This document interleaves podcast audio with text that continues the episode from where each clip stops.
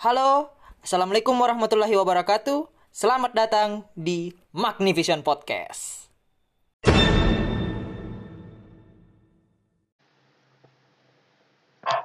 Assalamualaikum warahmatullahi wabarakatuh. Selamat datang di Magnivision Podcast. Bersama saya Wais Sulkani Ahmad. Wais, pada episode ini saya tidak akan sendiri. Saya terhubung dalam jaringan yaitu Halo, perkenalkan nama saya Muhammad Khalid Ismanda. Nah, di episode kali ini saya akan uh, bersama Fadil. Episode ini juga uh, akhirnya saya juga punya partner lagi.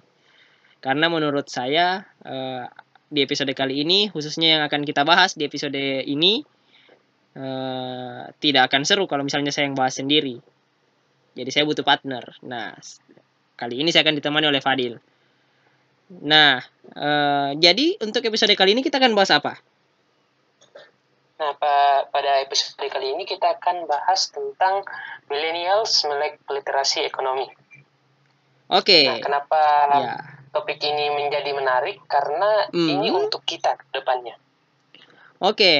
Jadi ya topik ini menarik karena topik ini uh, khususnya ekonomi ini ini ini untuk kita. Untuk ini kita, penting. Usul, ya, usul, usulnya untuk generasi kita lah. Oke. Nah, sebelum kita masuk ke pembahasan ini eh, kita kita mungkin selalu apa eh, mungkin sering dengar juga milenial disinggung terus kalau soal milenial arti milenial sudah apa sering disinggung terus kalau soal ekonomi ya kita makhluk ekonomi nah kita mencari kebutuhan kita, kita memenuhi kebutuhan kita, salah satunya itu ekonomi. Nah, ekonomi juga bagi suatu negara itu cukup menentukan bagaimana arah suatu negara itu berkembang dan negara juga bertanggung jawab dalam mengurus perekonomian warganya. Nah, tetapi sebagai masyarakat, rakyat, kita juga punya andil dalam menentukan ekonomi negara. Nah, andil besar ya, andil besar. Iya, kita punya andil besar karena kita adalah penggerak ekonomi negara dalam momentum dalam momentum uh, kemerdekaan kita yang ke-75 tahun uh, kita uh, seperti mengingat kembali bahwa uh, pem pemuda atau generasi milenial pada zamannya bahkan zaman zaman zaman pergerakan, zaman mempersiapkan kemerdekaan itu punya hal andil penting seperti Sumpah Pemuda, dan bahkan pada saat kemerdekaan dia juga memiliki andil, bahkan andil besar dalam menentukan kemerdekaan Indonesia. Nah, saat ini kita punya andil yang sama, yaitu andil kita untuk mengisi kemerdekaan. Kita menyukseskan cita-cita kemerdekaan, kita mengisi kemerdekaan. Nah, Soekarno itu pernah bilang bahwa e, berikan saya seribu orang tua, maka kucabut Semeru dari akarnya. Berikan saya sepuluh pemuda, maka akan kuguncangkan dunia mengindikasikan bahwa harapan suatu bangsa ada pada generasi mudanya. Arah suatu negara ditentukan oleh generasi mudanya. Makanya hal ini menjadi relate atau hal ini punya hubungan lah dengan kita. Bahwa kita punya andil untuk membantu e, mewujudkan cita-cita kemerdekaan dan membantu negara. Khususnya pada saat ini kita berada pada era pandemi COVID-19. Kita berada pada uh, masa yang di mana kita eh, benar-benar uh, uh, dari segi kesehatan sudah banyak korban, sudah banyak yang terinfeksi. Di sisi lain kita juga uh, fokus pada pemulihan ekonomi karena setelah kita uh, beberapa bulan ini ekonomi kita juga dihajar betul. Ya sama seperti negara lain, kita tidak sendiri. Kita tidak sendiri dalam menghadapi pandemi ini kita tidak sendiri juga dalam menghadapi bisa dibilang bencana ekonomi. Negara lain bahkan ada yang sudah terpuruk, ada yang resesi. Indonesia uh, kita tidak bisa memungkiri hal tersebut. Tetapi kita kan punya upaya agar kita tidak tidak uh, minimal kita tidak jatuh sejauh yang yang paling bawah mungkin. Ya, ke titik paling bawah lah. Masih bisa dikendalikan lah. Karena kita tidak bisa mengelak dari adanya penurunan pertumbuhan ekonomi. Karena seperti ini ke bagaimana eh, sektor-sektor ekonomi terpengaruh, bahkan pariwisata terpengaruh, kita tidak bisa bertemu. Podcast ini pun eh, kami buat tidak pada tempat yang sama. Kita mengikuti anjuran pemerintah, kita um, um, mematuhi protokol kesehatan, kita karena eh, selain ini apa ya ikhtiar kita, usaha kita ya kita berharap pandemi ini bisa berakhir lah begitu. Nah, Ya, berakhir dengan cepat ya. berakhir dengan ya secepatnya lah supaya kita bisa kembali kem- eh, kembali seperti biasa eh, dan perekonomian negara juga bisa kembali eh, normal dan bahkan kita bisa eh, eh, apa mem- apa semak em- meng- apa melakukan lagi lompatan-lompatan yang lebih besar pertumbuhan kita bisa bisa semakin naik seperti itu. Yang jelas selain berdoa ya kita optimis begitu. Kita optimis Indonesia maju. Nah eh, menarik tadi dikatakan bahwa oke generasi milenial generasi muda memiliki peranan penting dalam eh, dalam perekonomian dalam perekonomian atau dalam eh, menentukan arah suatu bangsanya lah intinya seperti itu kenapa Jadi sih Teringat Iya. itu ya. kenapa sih Peristiwa Rengat Dengklok. Ya. Nah, seperti Fadil bilang ya di peristiwa Dengkol pun pem- apa pemuda mengambil peranan gitu. Dan bahkan saat ini kita dituntut lagi untuk melakukan peranan itu. Tapi kalau menurut Fadil kenapa kenapa tapi kalau menurut Fadil eh, kenapa sih generasi muda yang terpilih begitu? Khususnya yang tadi, kenapa generasi milenial yang harus tahu apa yang harus melek literasi ekonomi? Kira-kira kenapa gitu? Kalau bicara tentang yang tadi disinggung sama Wais ya. Saya jadi teringat ke pelajaran kita waktu SMA ya. Benar, ya. tentang itu? peristiwa Rengas Dengklok Oh, oke. mana pemu golongan muda saat itu eh, menjadi menciptakan skenario untuk peristiwa tersebut sehingga memicu proklamasi kemerdekaan kita pada tanggal 17 Agustus. Nah, mungkin yang menarik apakah di era pandemi ini akan terjadi momentum seperti itu juga. Ya lewat apa bukan mungkin dari segi kita menculik eh, pejabat kita atau sebagainya, tapi Hal yang tidak Uh, mungkin. Mungkin yang menjadi peranan kita sebagai milenial ialah dengan membantu pemerintah melalui menjadi penggerak ekonomi seperti itu ke depannya. Benar sekali. Kalau saudara Wai sendiri termasuk generasi milenial atau bukan ya? Ya. Ya, tentunya kita ada lah kita masih ada kita masih ada di generasi milenial minimal mungkin kalau kita tidak bilang di generasi milenial ya semangat kita kalau seperti kata Habibi harus selalu muda begitu mentalitas muda mentalitas sepeda kalau Habibi bilang nah eh, kalau pendapat Fadil yang kal eh, kalau menurut Fadil kira-kira generasi muda ini ke depan apalagi mungkin apa ya mungkin Fadil juga sering dengar apa kita akan menghadapi eh, apa bonus demografi begitu kalau menurut Fadil pandangan Fadil tentang bonus demos- demografi itu bagaimana? Mungkin ada yang bertanya, kenapa kita tiba-tiba masuk ke bonus demografi? Nah, mungkin bon- bonus demografi ini sering kita dengar di televisi atau di media sosial, mungkin pernah lihat di timeline kita, di explore Instagram mungkin. Nah, yang menarik, eh, saya pernah menemukan eh, judul berita di internet tentang perkataan Pak Jokowi, bonus demografi adalah tantangan dan kesempatan besar. Ya. Mungkin itu yang perlu kita bahas pada kesempatan kali ini. Mungkin banyak yang belum tahu ya apa itu bonus demografi. Dari jadi yang saya ketahui, bonus demografi itu adalah kondisi di saat penduduk usia produktif akan lebih besar dibanding usia non produktif. Nah, era bonus demografi ini diperkirakan akan terjadi pada 2020 sampai 2030 atau 2040 ke depan. Jadi banyak pendapat. Yang menjadi pertanyaan kemudian kenapa milenial yang penting dalam era bonus demografi nantinya yang akan dihadapi oleh Indonesia? Karena yang menjadi penduduk usia produktif pada saat Indonesia mema- memasuki era bonus demografi adalah milenial itu sendiri. Jadi uh, Indonesia kan akan diprediksi kan mengalami era bonus demografi. Nah, mengapa milenial ini penting? Mengapa kita penting untuk mempersiapkan diri? Karena nantinya kitalah para milenial yang akan mengisi era bonus demografi tersebut. Mungkin seperti itu.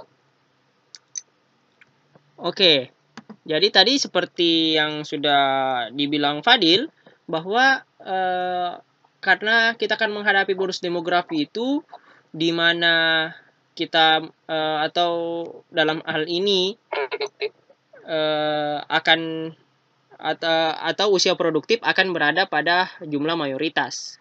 Otomatis karena dia mayoritas ini menentukan jumlahnya. Jumlahnya apa jumlahnya mayoritas ini pasti akan menentukan uh, arah akan menentukan bagaimana jalannya suatu uh, negara khususnya mungkin perekonomian karena kita kan bergerak di sektor-sektor ekonomi ada yang mungkin menjadi bergerak di industri kreatif ada yang bergerak di sektor-sektor eh, eh, ekonomi baik formal maupun non formal nah eh, maksud saya pekerjaan formal pekerjaan informal nah jadi generasi milenial ini harus segera menyadari bahwa oke, okay, kamu itu peranannya penting. Nah, karena perananmu penting, jadi kamu harus mempersiapkan diri.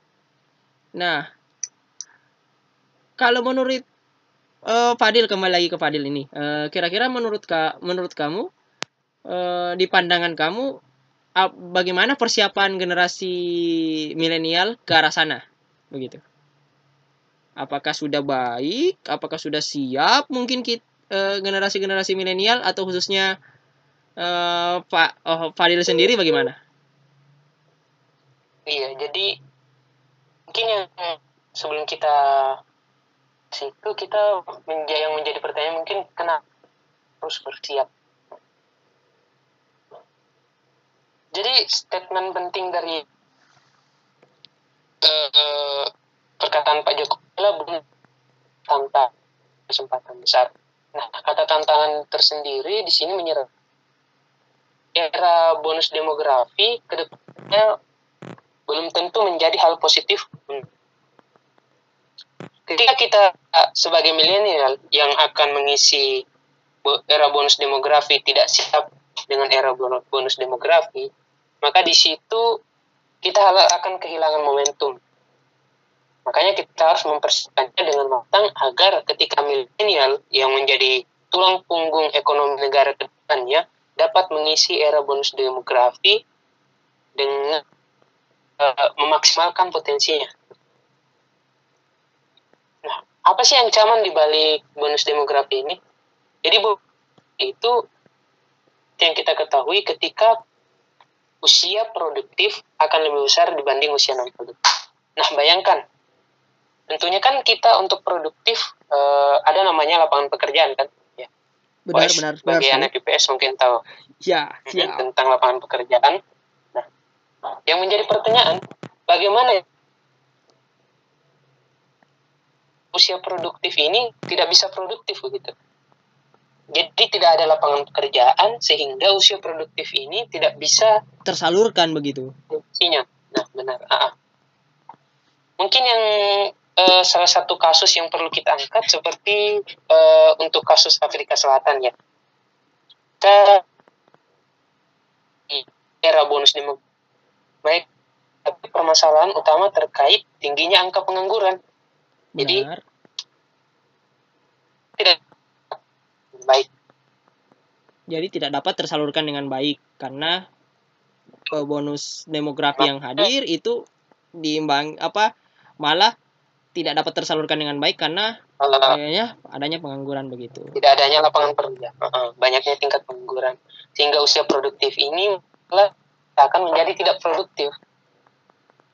Mungkin de eh, dengan angka kemiskinan juga pasti meningkat. Mengatakan bonus demografi adalah tantangan. Nah, tantangan untuk siapa? Sekarang pertanyaannya adalah tantangan untuk siapa? Jadi tantangan bonus demografi ialah milenial itu sendiri mana milenial ini tulang ekonomi Jadi ini menjadi apa ya? eh, bahkan kita seperti disadarkan begitu. Kita generasi milenial ini tidak semata-mata mungkin dibilang "Eh, kita potensi, tapi kita bahkan bisa menjadi suatu ancaman menjadi mungkin ya kalau kalau kita tidak ya siap benar dalam mempersiapkan eh, bagaimana menghadapi era menghadapi buruk. era demogra apa bonus demografi ini. Khususnya bagaimana kita dalam hal dalam mempersiapkannya itu dalam eh, hal ekonomi misalnya. Menarik sekali. eh, tetap ini nih ada Ya. apa itu? ada satu riset juga yang mengatakan bonus demografi Indonesia bisa hangus karena gaya hidup buruk pada usia. Mungkin itu menjadi trigger tersendiri untuk kita para milenial. Apalagi Wow, tentu wow, kita wow, wow. tahu bahwa Waduh, waduh. eh, di usia muda kita, jangan sampai kita milenial malah menjadi manusia yang konsumtif begitu, seperti itu. Tentu Hmm. hal tersebut akan berdampak buruk pada bonus demografi ke depannya. Jadi sekarang pertanyaannya mungkin lebih ke apa? eh, bagaimana milenial ke depannya bisa mempersiapkan diri dalam menjawab tangan era bonus demografi? Mungkin itu pertanyaan yang perlu kita jawab sekarang. Wah, Kalau menurut saudara Wais, waduh, itu itu, Itu- apa ya? Sulit juga ya berarti ya. ekonomi seperti apa? Waduh. Itu Wais? itu menjadi eh, hal yang cukup menggugah kita ya bahwa eh, jangan sampai potensi ini kesempatan ini terbuang percuma hanya karena Ya betul. Mungkin ketidaktahuan kita atau kita belum sadar akan pentingnya eh, potensi kita sebagai anak muda dalam hal ini eh, dia dalam mengelola perekonomiannya. Mungkin Anda bil eh, mung- mung- mungkin ada pendapat seperti ini. Eh, kan tidak ada pengaruhnya. Kan kan mungkin eh, ini uang-uang saya saya berpengaruh eh, apa hanya mungkin akan akan ada ke diri saya. Tetapi Anda tahu bahwa sistem ekonomi atau itu itu saling terkait akan satu sama lain. Jadi akan akan mempengaruhi juga ke yang lain. Bahkan kenapa pemerintah saat ini mengucurkan bantuan-bantuan untuk kita karena itu untuk memacu daya beli kita. Berarti hal itu mengindikasikan ya eh, kita sebagai mungkin eh, saya orang awam yang tidak belajar ekonomi eh, secara formal di, bang- di bangku kuliah atau tidak mengambil kekhususan ilmu ekonomi menganggap bahwa pergerakan pergerakan uang di masyarakat itu sangat penting begitu. Nah, ja- jadi salah satunya yang harus kita persiapkan untuk menyongsong era itu Ya tentu eh, SDM kita sebagai milenial yang perlu kita siapkan. selain SDM Mungkin kita harus menyiapkan apa kira-kira? hmm,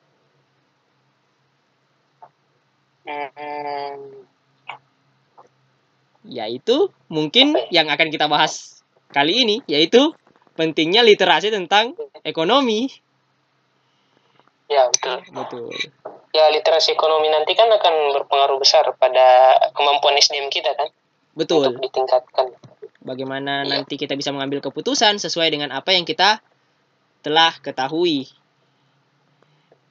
Ya betul sekali.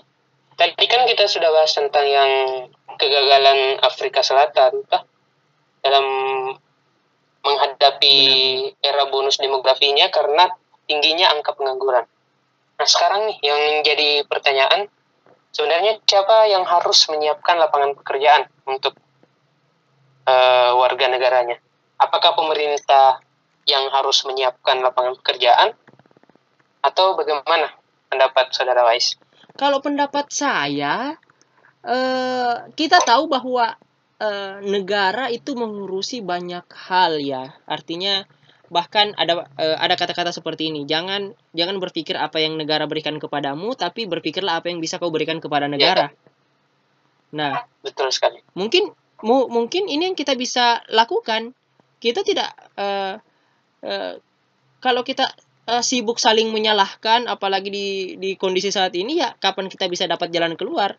mungkin kita harus mengambil Hmm. aksi tersendiri dan bahkan ya mungkin kita kalau kita tidak bisa dapat pekerjaan ya kita buat pekerjaan seperti itu nah jadi saya rasa apa sih ruginya kalau kita bantu negara begitu Iya, jadi Nah.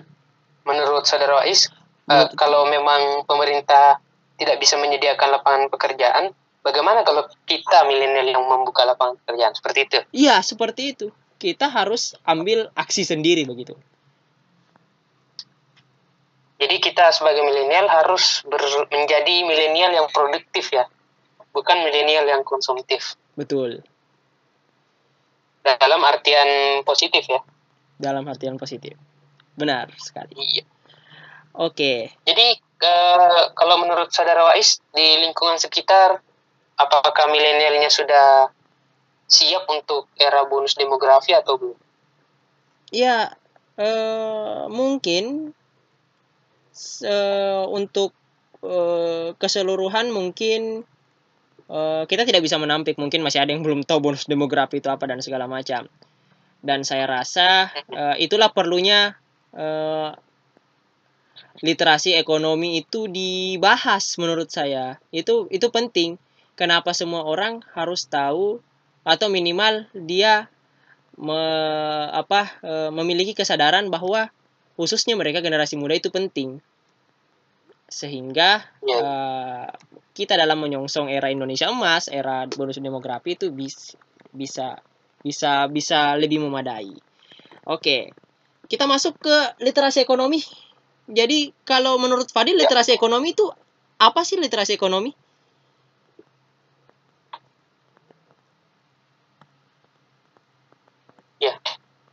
Jadi eh, sebelum kita masuk ya, sebelum kita masuk tentang apa sih itu literasi Ya. ekonomi, mungkin saya mau menceritakan dulu tentang beberapa rekan saya yang eh, setelah tamat SMA itu sudah mulai membangun bisnisnya. Ada beberapa teman saya yang membangun bisnisnya, mulai dari jualan pakaian, jualan kos kaki secara online, jualan minuman. Itu menurut saya merupakan langkah yang cukup berani ya yang diambil oleh bisa dibilang dalam usia muda untuk mulai berbisnis. Nah, apa hubungannya dengan literasi ekonomi? Mungkin kita akan membahas tentang apa sih literasi ekonomi itu. Jadi menurut Matthew yang saya ambil di dari internet ya. Jadi literasi ekonomi merupakan istilah yang digunakan untuk menggambarkan kemampuan individu agar dapat mengenali atau menggunakan konsep ekonomi dan cara berpikir ekonomi dalam rangka meningkatkan kesejahteraan. Jadi intinya mungkin literasi ekonomi itu adalah bagaimana cara kita menggunakan eh, teori atau konsep ekonomi untuk diterapkan dalam kehidupan sehari-hari. Mungkin seperti itu simpel.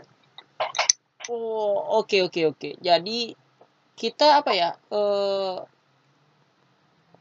harus harus apa? Kita harus cari tahu sendiri, kita harus sadar dulu bahwa ekonomi atau dalam hal ini eh, eh, pengaturan bagaimana kita menyiapkan diri kita, mengatur keuangan kita khususnya itu penting. Intinya itu dalam literasi ekonomi. Nah, kalau menurut saya literasi ekonomi ini itu adalah bagaimana kemampuan kita ya selain menerapkan konsep-konsep ekonomi itu itu contoh lain contoh contoh realnya yang yang bisa diterapkan itu adalah bagaimana kita generasi milenial ini menur, me, apa menentukan skala prioritas dulu skala prioritas nah bagaimana Dan kita menentukan Skala prioritas dalam apa? Kita menentukan skala prioritas dalam kita melakukan eh, pengeluaran mungkin.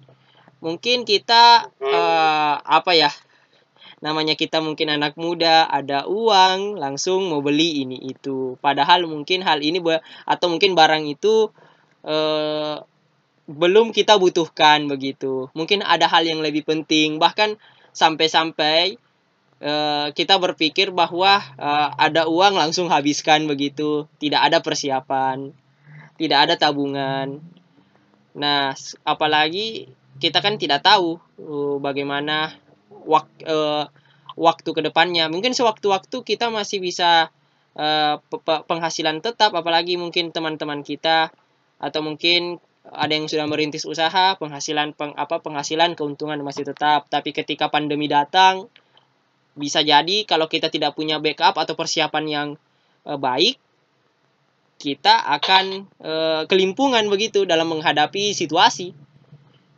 Menurut saya literasi uh, ekonomi menjadi penting di situ. Hmm.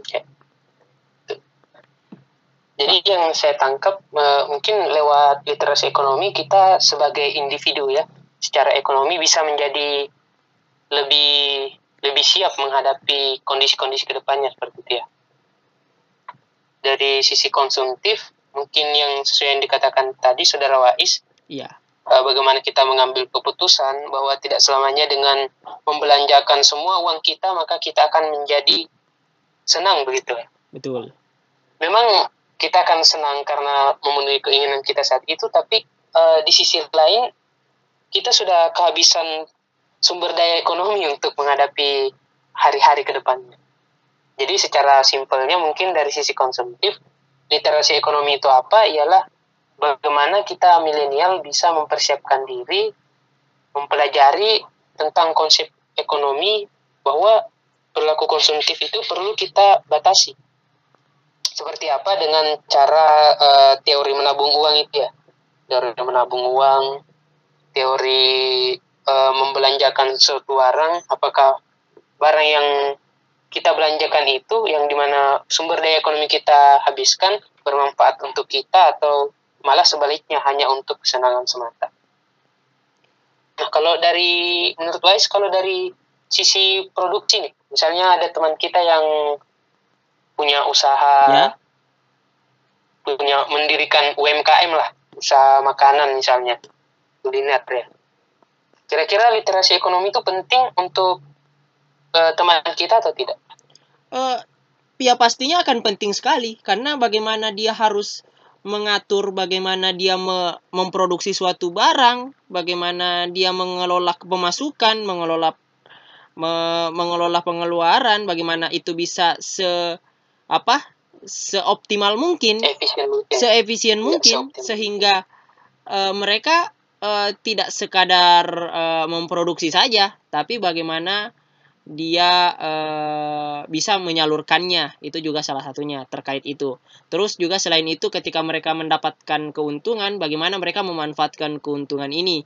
Dan bagaimana mereka menekan juga biaya produksi? Akhirnya uh, bagaimana uh, mungkin dari mutu dari barang itu tetap terjamin tetapi biaya produksi itu bisa diefisienkan begitu terkadang ada yang dari dari dari pengusaha-pengusaha muda apalagi egonya masih muda eh masih berapi-api apa tanpa literasi yang cukup akhirnya keputusan-keputusan bisnis yang diambil cenderung tidak maksimal. Nah di sini pentingnya literasi ekonomi. Mungkin dari sebagian dari kita berpikir ya untuk apa saya belajar ekonomi?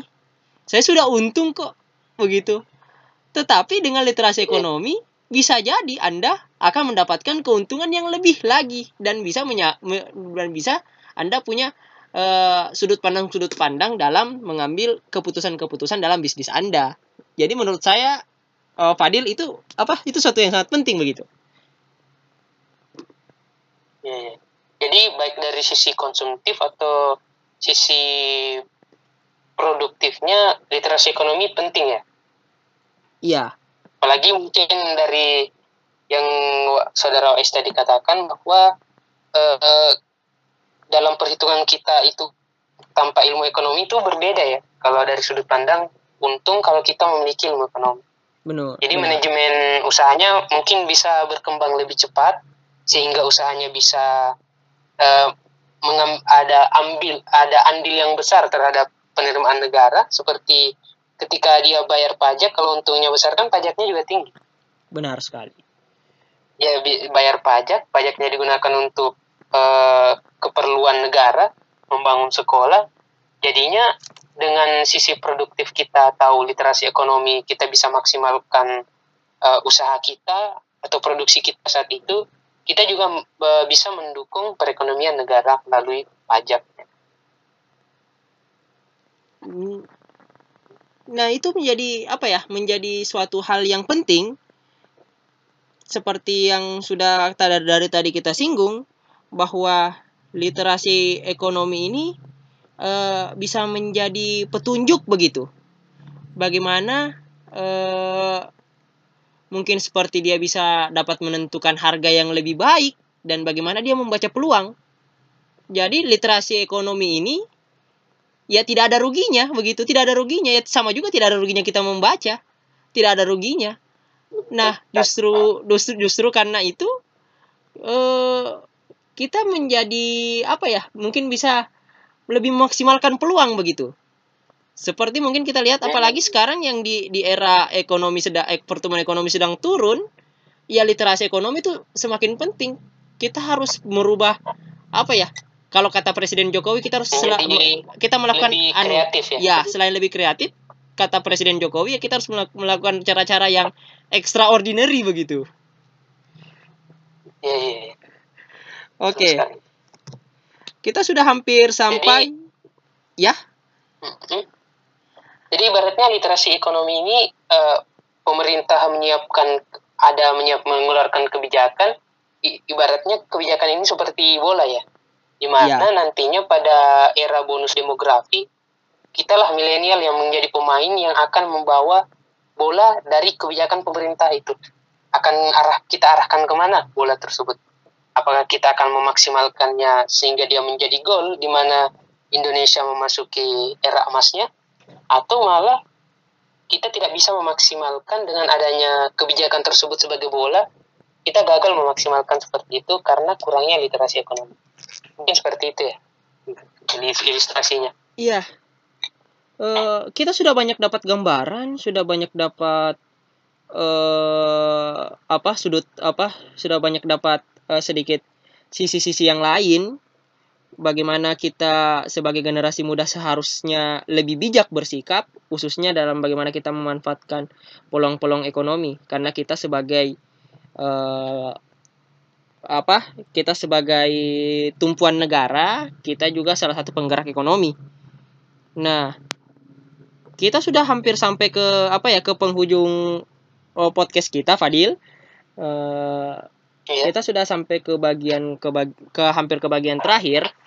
Kita akan sedikit mencoba menyimpulkan dan kita apa kita berikan apa eh, pendapat apa eh, pendapat kita masing-masing. ya, pendapat kita masing-masing. Kita menyimpulkan diskusi kita uh, apa yang kita bicarakan tadi ini. Bagaimana kita melihat generasi milenial itu dalam hal bagaimana seharusnya dia menyikapi literasi ekonomi dan bagaimana uh, lit, apa generasi milenial itu bahkan kita kita bahkan kita ubah paradigmanya. Harus melek literasi ekonomi.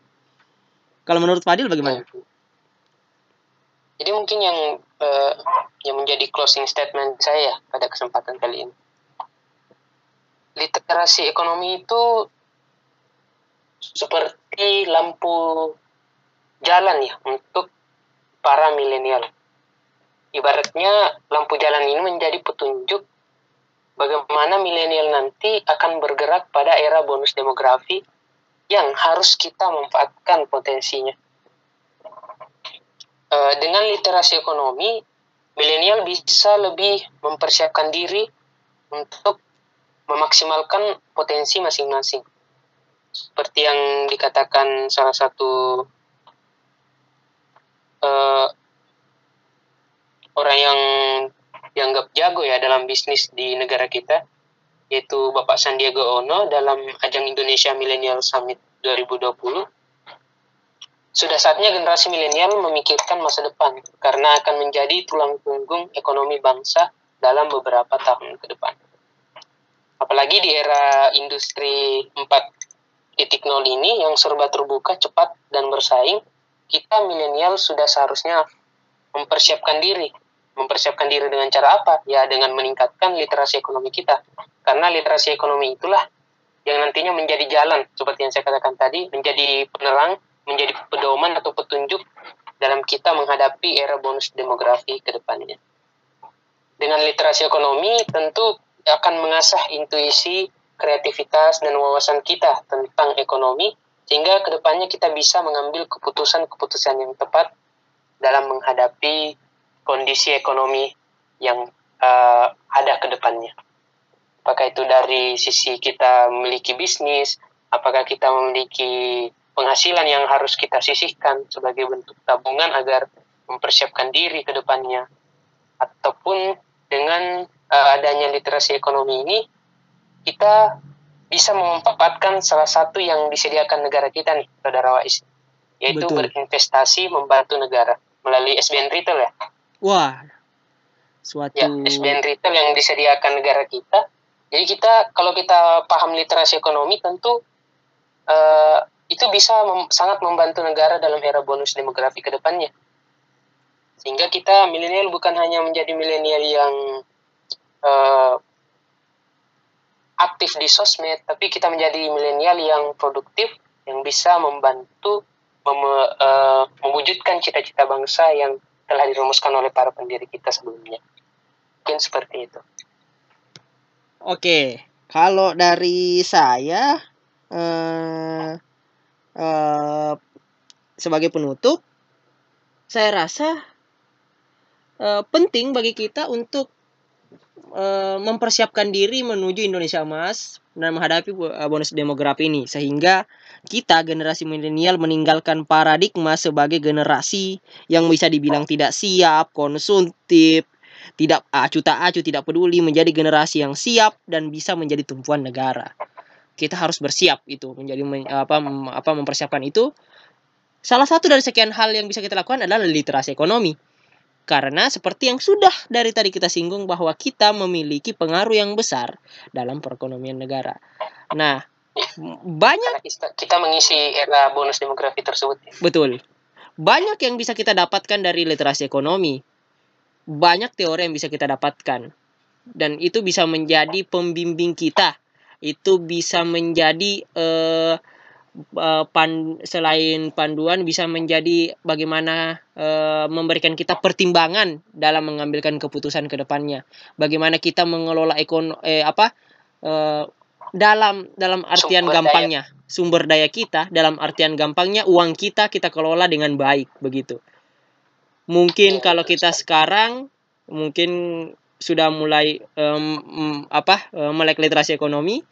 Beberapa teman kita itu bahkan sudah sadar untuk punya aplikasi di aplikasi di smartphone mereka di telepon sel pintar mereka itu aplikasi uh, cat uh, pencatatan uang mereka. Jadi mereka bisa uh, mengetahui uh, uh, uang mereka keluarkan untuk apa mereka seminggu sudah keluarkan uang berapa bahkan per hari keluarkan uang berapa itu bahkan bisa menjadi pengontrol begitu. Oh saya udah apa uh, udah banyak keluarin uang untuk uang ini un un untuk untuk hal ini. Mungkin di bulan berikutnya mungkin saya bisa optimalkan sehingga uangnya bisa saya alihkan ke sini. Itu kan salah satu literasi ekonomi juga menurut saya uh, dalam artian gampangnya. Iya. bagaimana nanti kalau kita mungkin kita menjadi pemilik bisnis di masa yang akan datang kalau kita tidak mempersiapkan dari sekarang atau mungkin kita uh, uh, apa memimpin usaha kita sendiri dengan uh, potensi kita sendiri tanpa literasi ekonomi sepertinya kita akan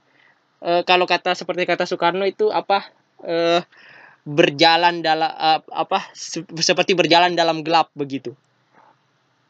Iya, iya. Itu menarik sekali uh, apa yang kita bincangkan hari apa kali ini di episode kali ini. Uh, saya dan Fadil tentunya berharap uh, bahwa semoga potensi yang kita miliki dan tantangan yang kita akan hadapi uh, dapat menyadarkan kita bahwa uh, kita sebagai generasi milenial itu bisa bertindak lebih baik begitu. Iya. Jadi mungkin sebagai penutup, uh, apalagi ya kita dari bagian Sulawesi mungkin sudah sadar bahwa ekonomi kita itu harus baik ya. Betul. Apalagi mungkin generasi milenial akan tertrigger ketika mendengar uh, yang namanya uang panai. Betul betul. Jadi ya para milenial harus betul-betul mempersiapkan ekonominya agar ke depannya kita mantap menatap masa depan. Betul, jangan Jadi, sampai literasi ekonomi itu penting. Uh, Jadi nah. eh, ke depannya literasi ekonomi ini kalau kita punya literasi ekonomi yang baik, ini untuk untung untuk siapa sih?